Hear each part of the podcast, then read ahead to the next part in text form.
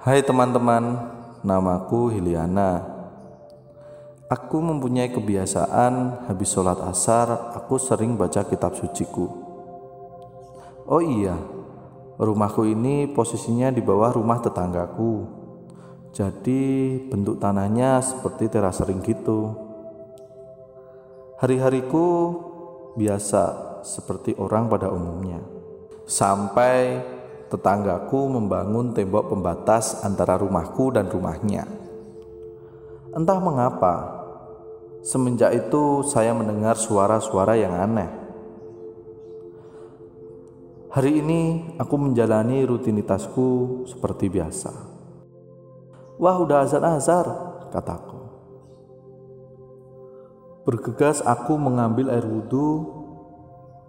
Setelah selesai, Aku langsung sholat dan seperti biasa, aku baca sedikit kitab suciku.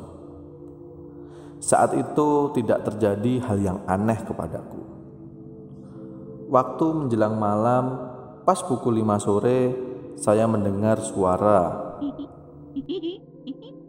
Suara tertawa yang halus dan seram, entah dari mana asalnya. Bulu kuduku pun merinding namun aku tidak begitu menghiraukannya.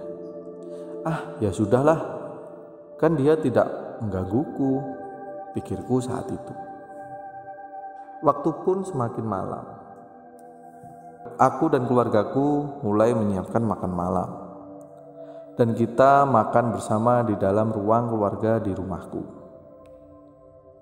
Senda gurau bersama keluargaku pun menambah hangat suasana rumahku.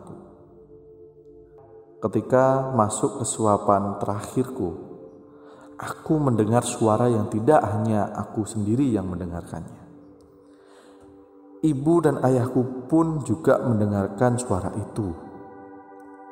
Sangat aneh bagiku, karena suara itu berada di atas genting rumahku, dan tidak mungkin jam segini ada orang yang berada di atas gentingku dan memanggil nama adikku berkali-kali.